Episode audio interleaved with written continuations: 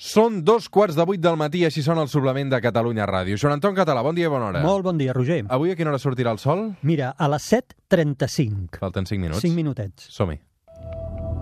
3, 2, 1, seganya!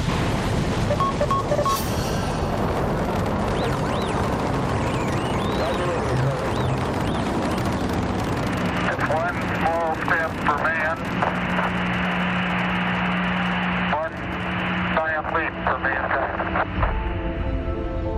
Cada diumenge al suplement amb el Joan Anton Català, a l'hora que surt el sol, parlem de l'univers. Eh, Intentem explicar que la Terra és plana, o desmentir-ho, depèn de la setmana. El Joan Anton Català ja el coneixeu, és la veu, científic de... és la veu científica del suplement. I eh, aquesta setmana, eh, Joan Anton, hem estat pendents de científics de Harvard. Per què? Sí, mira, ha passat una cosa excepcional que ha estat um, portada a la part científica de molts diaris i molts um, espais de notícies, que és que hi ha un objecte eh, que es va descobrir l'any passat, que té un nom així raro com Oumuamua, que és un nom hawaià, perquè Com, el va com, com descobrir... has dit, això? Sí, es diu Oumuamua. Carai. Sí, ho tinc apuntat, eh? eh és un, un nom hawaià indígena perquè el telescopi que el va descobrir està a Haleakala, que és un volcà aquí a Maui, i és un objecte que de seguida es va veure que era excepcional perquè es va poder comprovar que venia de fora del sistema solar. Una roca que ve de fora del sistema solar. Això ho sabem segur. Però és petita i la vam detectar ja quan marxava del nostre sistema solar, en la qual la vam, la vam poder estudiar poquet.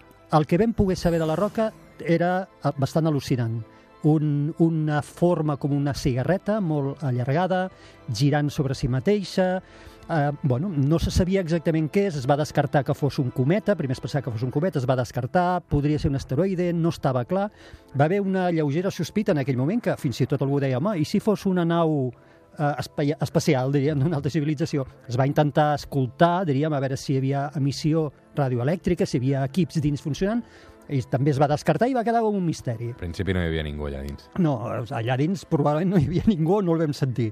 Uh, la qüestió és que ha passat temps, uh, s'ha seguit investigant, i hi ha dos científics de Harvard, de l'Smithsonian, que acaben de publicar un estudi en el que no descarten la possibilitat de que aquest objecte, per la forma que té, etc i pel comportament Sí. que té, fos uh, realment el que s'anomena una, una vela solar, que és una, un mecanisme artificial, diríem civilitzat, d'impuls, com una vela en el mar que agafa el vent per fer córrer un, un vaixell, això són veles que agafarien el vent solar, la radiació del sol, perdó, per fer córrer la nau. Això és fins i tot un sistema que estem provant aquí a la Terra. Carai. Aquests científics defensen la possibilitat, sense demostrar-la fefaentment al 100%, però deixen oberta aquesta porta, amb la qual cosa és una cosa al·lucinant, Inquietant tot plegat, no, també? Eh, molt inquietant. T'haig de dir que les eh, possibilitats o les probabilitats de que això sigui així són minces. És a dir, hi ha la famosa navalla d'Occam, que en ciència el que diu és que l'explicació més fàcil normalment és la més probable, no hem d'anar a buscar explicacions complexes. No? Per tant, és molt probable que sigui un tipus d'objecte natural que no acabem d'entendre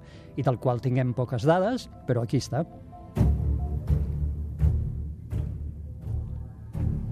Som al suplement, som a Catalunya Ràdio, això és la Terra es plana amb el Joan Anton Català. Avui, Joan Anton, fins on anem? A veure, va. Mira, jo et donaré algunes pistes. Sí, molt bé. A veure. O sigui, ara com que ja porto unes... Portem unes quantes seccions, ja unes quantes Sí, setmanes de la sí. Terra es plana, he de començar a tenir alguns coneixements, Ah, home, no, ja? estàs entrenadíssim. Doncs vinga, va, a veure, va. podràs- A veure si ens en sortim, va. Mira, és un planeta, de fet, és un planeta que si et poses al lloc on toca el sol et cremes, et fons, sí. en canvi, si vas a la part fosca, a la part on no toca el sol, et congela. Això ja per començar. Això és una bona pista, eh? Mira, ara aquesta és brutal. Ara ne, ne, ne, em puc descartar uns quants, ja, eh, aquí? Perfecte. Val, d'acord. Doncs mira, ara em podràs descartar més. És un planeta, el seu dia dura com 176 dels nostres. És més, dura Sí. més el seu dia que el seu any. Carai. Aguanta. Llavors, una altra pista és que és un planeta on veuries... Dura més el seu dia que el seu any? Eh, sí, Això... sí, sí, Carai. sí, sí. Val, no. És un planeta que, a més, veuries sortir i amagar-se al sol dos vegades per dia. El veuries sortir, tornar-se a amagar, sortir, tornar-se a amagar. Mhm. val? Uh, finalment, és un planeta on podries patir terratrèmols. Jo diria que avui, amb el Joan Anton Català, viatgem fins a... Mercuri.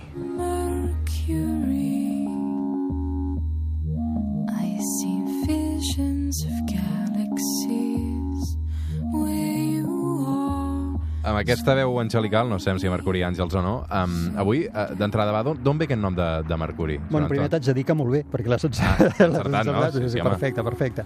Mercuri és uh, el déu romà, que és, uh, és un missatger, no, perdó, no és un déu, és un missatger Sí? dels déus. Era el missatger que li portava els missatges a Júpiter i el dibuixaven en un casc i unes sabates alades. Mhm. Per tant, era molt ràpid portant els missatges i això concordava amb la ràpida òrbita de Mercuri, que està molt a prop del Sol i per tant gira molt ràpidament i canvia de posició en el cel molt ràpidament. Mm. Per això li van posar, se suposa, el nom de Mercuri als romans. A veure, m'has explicat que Mercuri és un planeta on allà on toca el sol et cremes, en canvi, si camines per l'ombra et congeles. Sí. Aquests canvis tan dràstics de temperatura, eh, com els expliquem? Mira, eh, so, solen passar quan no hi ha atmosfera, perquè l'atmosfera és un element que el que fa és ajudar a equilibrar les temperatures entre els llocs on hi toca la llum del sol i els llocs on no hi toca, com passen aquí a la Terra. Però en llocs on no hi ha atmosfera, com la Lluna o com Mercuri, que no n'hi ha, les diferències són impressionants, o a l'espai, quan estàs a l'espai, les diferències entre que vegis el sol, per tant, que els rajos del sol t'il·luminin directament o que no t'il·luminin són de centenars de graus. Aquí estem parlant de més de 400 graus de temperatura al sol i menys 180 graus eh, a l'ombra. Per tant, fixa-t'hi quina extraordinària diferència de més de 500 graus de diferència entre que et toqui el sol o que no et toqui. Clar, si quan toca el sol les temperatures són de 430 graus, Mhm. eh, això vol dir que és el planeta on fa més calor de tots, o què? No, mira, doncs curiosament no, Ah. Semblaria pel sentit comú que sí, perquè és el més proper al Sol i en canvi sabem que el planeta més calent del sistema solar és Venus. Mhm. I això és així perquè Venus també està a prop, però no tant com Mercuri, però Venus té una cosa excepcional, una atmosfera, aquest sí que té una atmosfera moltíssim més densa que la de la Terra, unes 90 vegades més densa que la Terra i en efecte hivernacle. Mm. Aquest efecte que estem parlant, que ens augmenta la temperatura, aquest planeta el té d'una forma brutal, en la qual cosa les temperatures allà superen fins i tot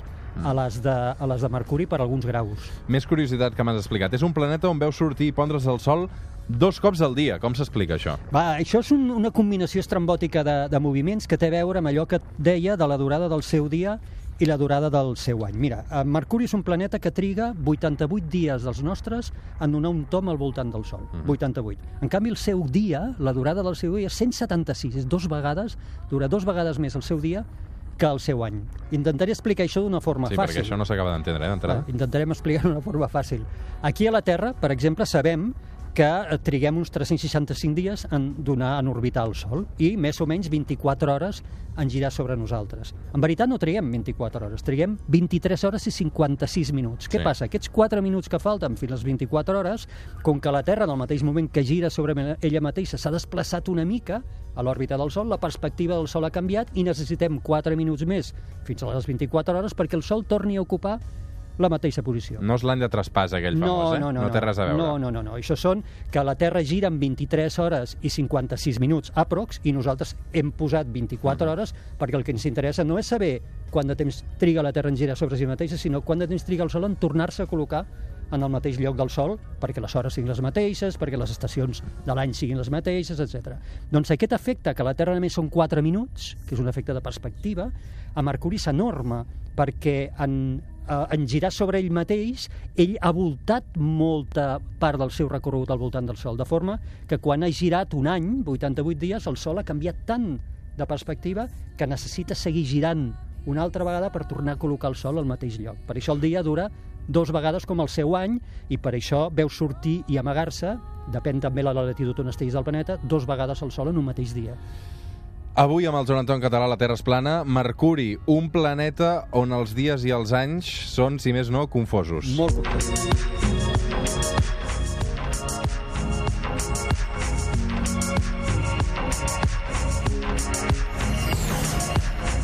Joan Anton, Mercuri físicament com és? Mercuri, eh, per fer-se una idea, s'assemblaria a la nostra Lluna. És un planeta rocós, molt matxacat per impactes, amb moltes cicatrius perquè no té atmosfera, i llavors qualsevol cosa que impacta eh, i deix marca. A més, està molt proper al Sol i això fa que també hagi rebut molts impactes que anaven cap dins, cap al Sol, i ell es va posar pel mig i els va rebre durant la seva història. Uh, té també una característica interessant, que és que té un nucli uh, fèrric, com la Terra, però ell el té molt més gran en proporció a la seva mida, que hem de saber que és una mida d'un terç la de la Terra, en canvi el seu nucli de És ferro... un planeta petit, com petit. comparació a la Terra. Eh? Correcte, seria això, un, una tercera part eh, com la Terra, i en canvi el seu nucli fèrric eh, de, de ferro és molt, molt gran. I té una característica, aquest nucli de ferro, encara està calent de fa 4, més de 4.000 Sí, milions quan d'anys. dius el nucli vols dir l'interior Sí, del igual planeta. que la Terra. Això és per gravetat. Quan els planetes es formen, són com líquids al començament, són viscosos perquè estan a, a milers de graus de temperatura i els elements més pesats, per gravetat, simplement se'n van cap a l'interior, decanten, per això la Terra té el ferro a l'interior, ferro-níquel, Mercuri li passa el mateix, però en té molta més quantitat, perquè es va formar més a prop del Sol, amb la qual cosa el material pesat estava més ric, era més ric en aquella part, diríem, del Sol. I això li dona una característica molt important a Mercuri, que és que aquest nucli encara està calent de fa 4.000, més de 4.200 milions d'anys que es fa formar el planeta i es va refredant a poc a poc. Què li passa al refredar-se? Que aquest nucli de ferro s'encongeix. Què passa quan s'encongeix? Que produeix terratrèmols, o mercuritrèmols, li hauríem de dir. És dir, que l'escorça del planeta va baixant i es va fragmentant perquè l'interior del planeta es va fent cada cop més petit, es va encongint, la qual cosa fa esquerdes, provoca esquerdes i pro- provoca aquests I mercuritrèmols. això vol dir que es podria arribar a enfonsar del tot, o què? No, no, perquè el que acabaria passant al cap de molts milio, milers de milions d'anys és que el nucli s'hagués refredat del tot i hagués quedat compacte a la mida que li toqui. Mm. Eh? Ara és com si estigués expandit perquè encara està calent i s'acabarà comprimint a una certa mida. Mm. És un desconegut Mercuri per nosaltres, Sí, què? curiosament, és, és desconegut i això que no el tenim tan lluny, tenim molt més lluny altres eh, planetes que hem estudiat molt millor. La raó eh, per la qual només dues missió, missions, que va ser el Mariner 10 a la, a la dècada dels 70, que va ser la primera missió que hi va passar i ens va enviar alguna dada, sobretot una altra missió de la NASA que es diu Messenger, ara sabem que n'hi ha una altra de l'Agència Europea i de l'Agència Japonesa, Bepi Colombo, que vam parlar fa uns dies, que està, ha sortit ja cap a Mercuri. La roda per, per la qual és tan difícil explorar-ho no només és per la temperatura, que també, sinó perquè s'ha de frenar. Això a vegades no hi pensem, diem, ah, mira, enviarem una nau no sé on. Clar, les naus aquestes les enviem amb molta velocitat. Si volem que entrin en òrbita, no que passin de llarg, que també a vegades ho fem, eh? passen de llarg i fan fotos i envien imatges i, i prenen dades, però si volem que es posin en òrbita les hem de frenar i costa moltíssim frenar una nau quan eh, ha de posar-se en òrbita d'un planeta tan petit, en tan poca gravetat i tan a prop del Sol. Mm. Aquí la dificultat no és el viatge, sinó és el frenar, i s'estarà anys frenant. És dir, el, te el tema és que hi podríem arribar en poc temps i en canvi trigarem anys en poder-nos posar en òrbita perquè anirem fent rebots en altres planetes per anar frenant la sonda i que es pugui quedar capturada per la gravetat del planeta. Mercuri té aigua? Pensàvem que no. Eh? Pensàvem que era un món absolutament un infern, de fet, és, és un infern, però, i pensàvem que no n'hi havia d'aigua i, en canvi, aquesta missió que abans he dit, la Messenger, va detectar eh, traces d'aigua dintre dels cràters del Pol Nord i el Pol Sud, són cràters molt profuns, on el Sol no hi arriba a tocar mai, per un efecte de perspectiva, i allà hi hauria aigua gelada.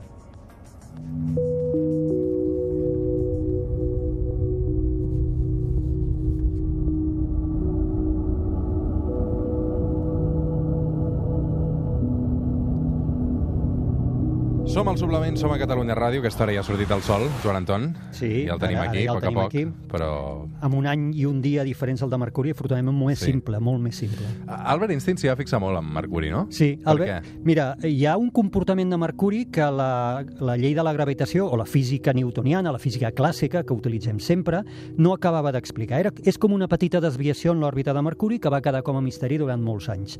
La teoria de la relativitat d'Einstein, de la relativitat general, la que explica la gravetat, una de les primeres prediccions que va fer Einstein en aquesta teoria la va posar a prova en Mercuri ell tot ho feia en paper i boli, no feia cap experiment, en paper i llapis, o sigui, en bolis o llapis. I el que va fer és demostrar que aquesta petita desviació de l'òrbita de Mercuri era degut en aquestes pertorbacions relativistes que la seva teoria de la relati- relativitat explicava a la perfecció. Ho va dir i van ser altres científics els que realment van anar a mesurar-ho i van trobar que clavava absolutament. Aquesta va ser la primera gran prova eh, que hi va haver de la, de la bondat de la teoria de, de l'Einstein. El Joan Anton Català eh, té una vista d'ocell o vista d'astronauta, no sé com dir-ho això. Eh, és un planeta que es pot veure a un nu? Sí, és un planeta, mira, podem veure cinc... Els humans, eh? Sí, sí, No, els, els, els humans sense cap mena de dificultat, tot i que a vegades em dius que... Dic Sí, no, a mi em costa molt. Vull dir, No. no. no trobo ni la lluna, vull dir que... Eh, eh, bueno, eh, hi ha cinc, cinc planetes que són visibles a, a ull nu, que són Mercuri, Venus, Mart, Saturn, Júpiter i Saturn. Aquests cinc, des de l'antiguitat es coneixen perquè es poden veure sense instruments. Què li passa a Mercuri? Com que orbita tan a prop del Sol, vol dir que visualment, vist des de la Terra, no se separa del Sol. És molt difícil veure'l perquè ens fondríem els ulls.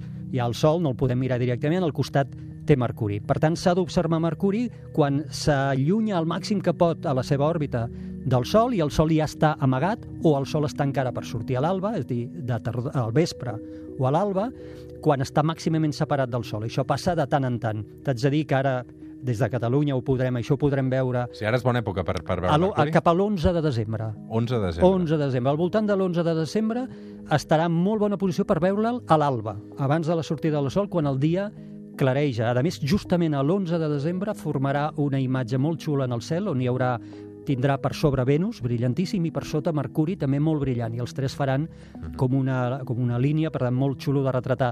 T'haig de dir que quan veiem Mercuri el veiem brillar moltíssim. És difícil de veure, però en canvi brilla molt vist al cel. És, és maco de veure'l. Mm. Si no tenim temps d'esperar-nos fins a l'11 de desembre i volem observar el cel, aquestes setmanes que hi trobem al cel? Mira, aquestes setmanes eh, seguim trobant eh, Saturn i Mart, que el seguim traient ja cada cop es van amagant més, però comença a sortir, justament per l'alba, comença a sortir un objecte superlluminós que ja veuràs com hi ha gent cada any o cada mes que passa això m'ho envien, que sembla, em diuen, què és aquest objecte que brilla tant? Que sembla un avió, però no és un avió, és un omni, és Venus.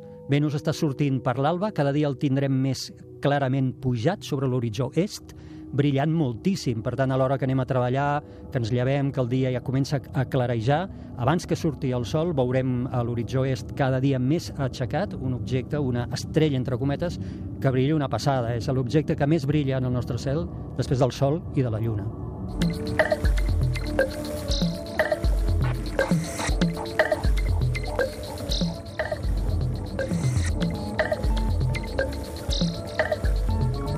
Som al Suplement, som a Catalunya Ràdio, això és La Terra es plana amb el Joan Anton Català. Uh, hem de dir que hem rebut algunes queixes a través de la xarxa aquestes últimes setmanes. Diuen que M'ho temia. uh, aquesta secció dura poc. o sigui, normalment dura 20 minuts. Uh, Joan Anton, jo crec que és suficient.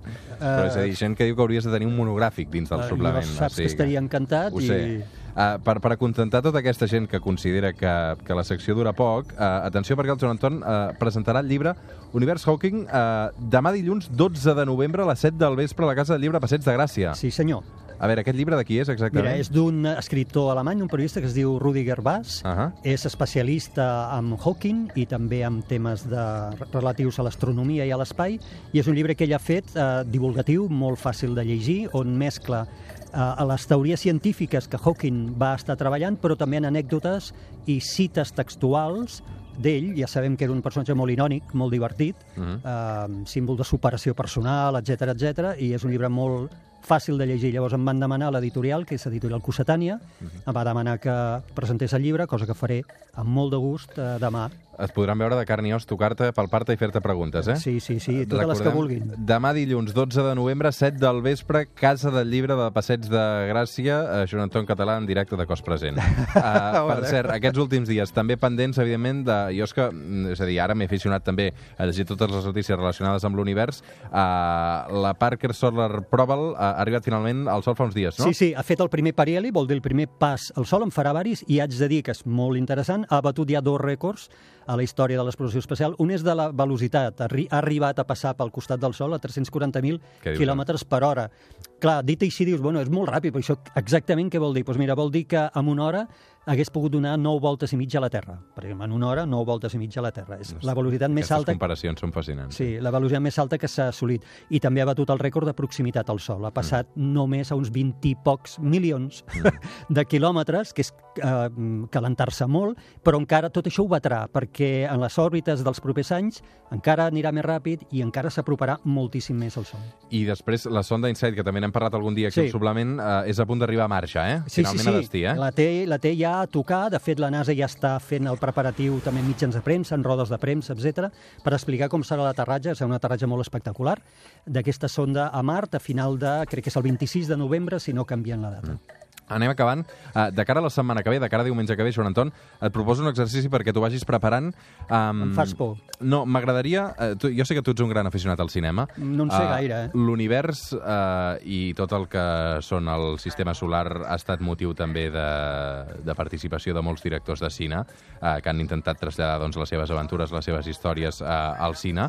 Um, analitzem com ho han fet i, i on s'han equivocat. Oh, que xulo. Interestelar, uh, Odissea a l'espai... Uh, agafem Perfecte. unes quantes pel·lícules Molt bé. uh, i em dius, doncs mira, qui ho van fer bé, qui no ho van fer tan malament. Val, jo ho faré encantat. L'única precaució Sí. que faig és que jo de cinema n'entenc poc i, per tant, ja demano disculpes d'entrada perquè jo el que intentaré fer un anàlisi científic, no pas un anàlisi artístic. Tens una setmana per documentar-te, això, Anton. Ah, Segur que ho oh, faràs perfecte. pressió, Va. Fem una pausa i tornem de seguida aquí al suplement. Fins ara.